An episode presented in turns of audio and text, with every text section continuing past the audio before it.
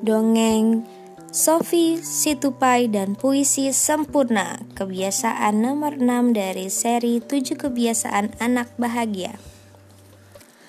Suatu hari di sekolah, Ibu Hud berkata, Anak-anak, ibu akan memasangkan kalian dengan teman dan meminta kalian menulis puisi untuk dibaca bersama di kelas seminggu lagi. Hmm, kuharap aku mendapatkan Lili sebagai pasangan, pikir Sofi. Lili, kau berpasangan dengan Poki. Eli, kau akan bekerja sama dengan Semi sedangkan Gup akan berpasangan dengan Jumper. Sophie, kau berpasangan dengan Biff ya? Kata Ibu Hud. Sophie nyaris tidak percaya. Ia tidak ingin berpasangan dengan Biff. Biff jahat dan menakutkan. Iya, Bu. Biff ini binatang apa ya, Hur? Gak tahu. Binatang uh, undur-undur ya? Eh, apa ya ini Biff?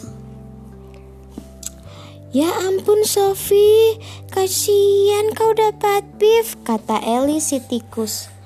Iya, kasihan sekali. Jumper turut prihatin. Hmm, mungkin aku terpaksa menulisnya sendiri, kata Sofi.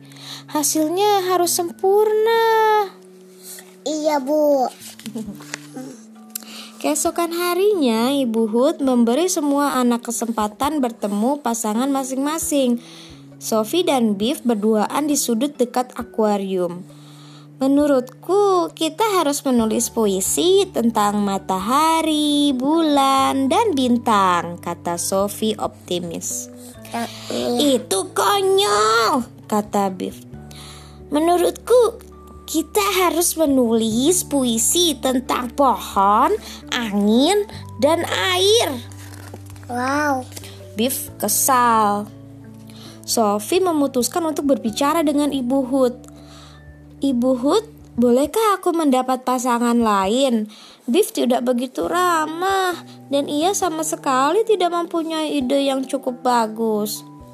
Oh, Sofi sayang, jika kau sudah mengenalnya dengan lebih baik, kau akan mendapati bahwa Biff sebenarnya baik dan mempunyai banyak ide bagus. Sama seperti kau, kuku, kata Ibu Hutsi, burung hantu. Aku yakin kalian berdua bisa mengajukan puisi yang bisa kalian banggakan. Kau cukup membuka mata, Sofi. Lalu Sophie setuju untuk mencobanya.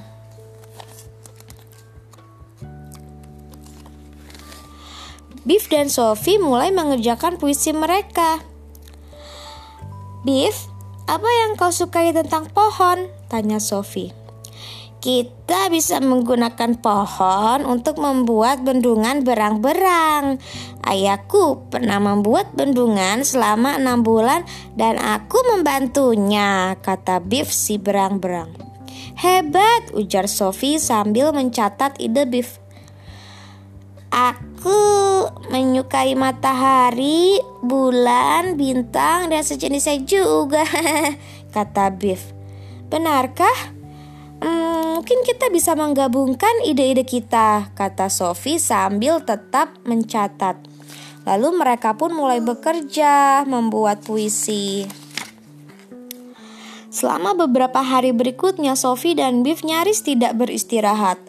Mereka terus menyusun kata-kata untuk puisinya. Hari penting itu pun tiba.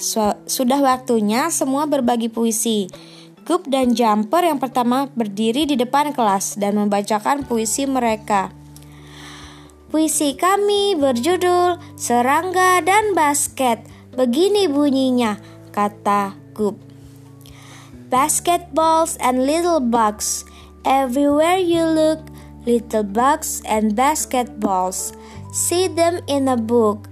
If I had an ant, I would hide him in a plant. If I had a ball, I would bounce it off a wall. That would be real fun. Too bad this poem is done. Lalu anak-anak di kelas bertepuk tangan. Berikut tiba giliran Sophie dan Biff dengan gugup. Biff membacakan puisi mereka sementara Sophie mendampingi dengan bangga. Puisi kami berjudul Bukalah Matamu. I opened my eyes and what did I see? The sun, the moon, the stars, the trees.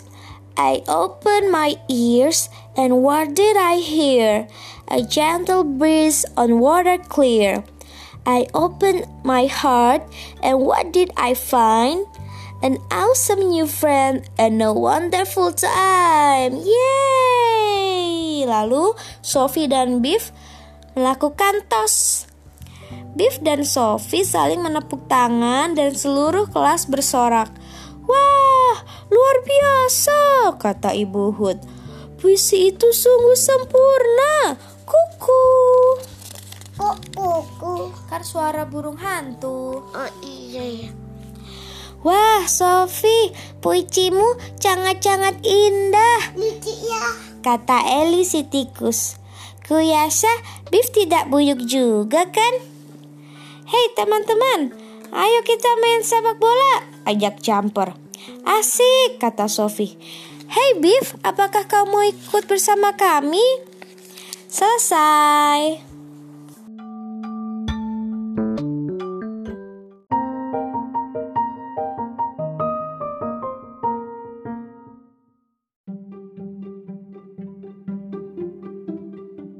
Nah, dari dongeng Sofi ini eh, pesan yang bisa kita ambil adalah jika kita bisa memaklumi orang lain dan bisa bekerja sama eh, bersatu untuk me- untuk mm, mewujudkan sinergi akan mendapatkan hasil yang lebih baik.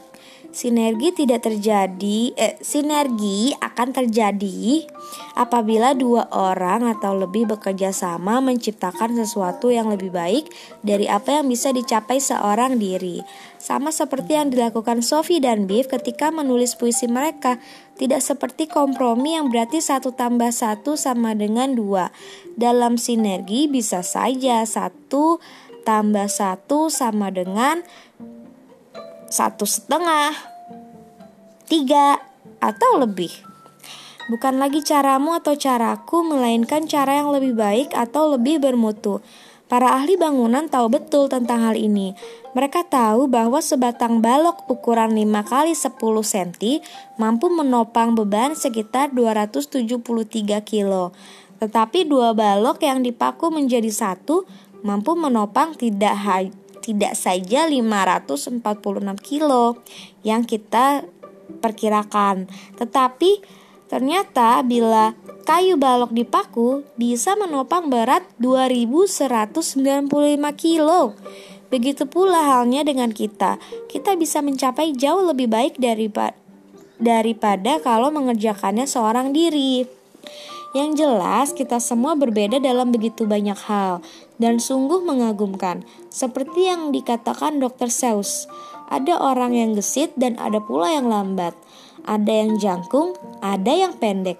Tidak ada yang sama dengan yang lain. Jangan bertanya mengapa kepada kami, tanyakan saja kepada ibumu, karena tidak ada yang bisa menjawabnya. Jika kita bisa belajar menghargai perbedaan dan menganggapnya sebagai keuntungan, bukan malah takut serta menganggapnya sebagai rintangan, kita akan mampu mencapai jauh lebih banyak di rumah dan di tempat kerja, dalam hidup perkawinan dan persahabatan kita, atau di mana pun hidup ini membawa kita. Dalam kisah ini, tunjukkan bagaimana Sophie dan teman-temannya menghakimi Biff tanpa mengenalnya dari dekat. Mereka menyangka Biff jahat dan menakutkan. Padahal ia sebenarnya hanya berbeda. Namun begitu Sophie membuka mata dan mengenal Biff dengan baik serta menghargai kelebihannya, begitu pula halnya dengan Biff terhadap Sophie, terjadilah hal-hal yang baik. Jadi, bila lain kali ada yang tidak sependapat dengan kita, katakan saja, "Bagus, saya senang Anda melihatnya dari sudut pandang lain." Oke, sampai jumpa di dongeng berikutnya. Assalamualaikum.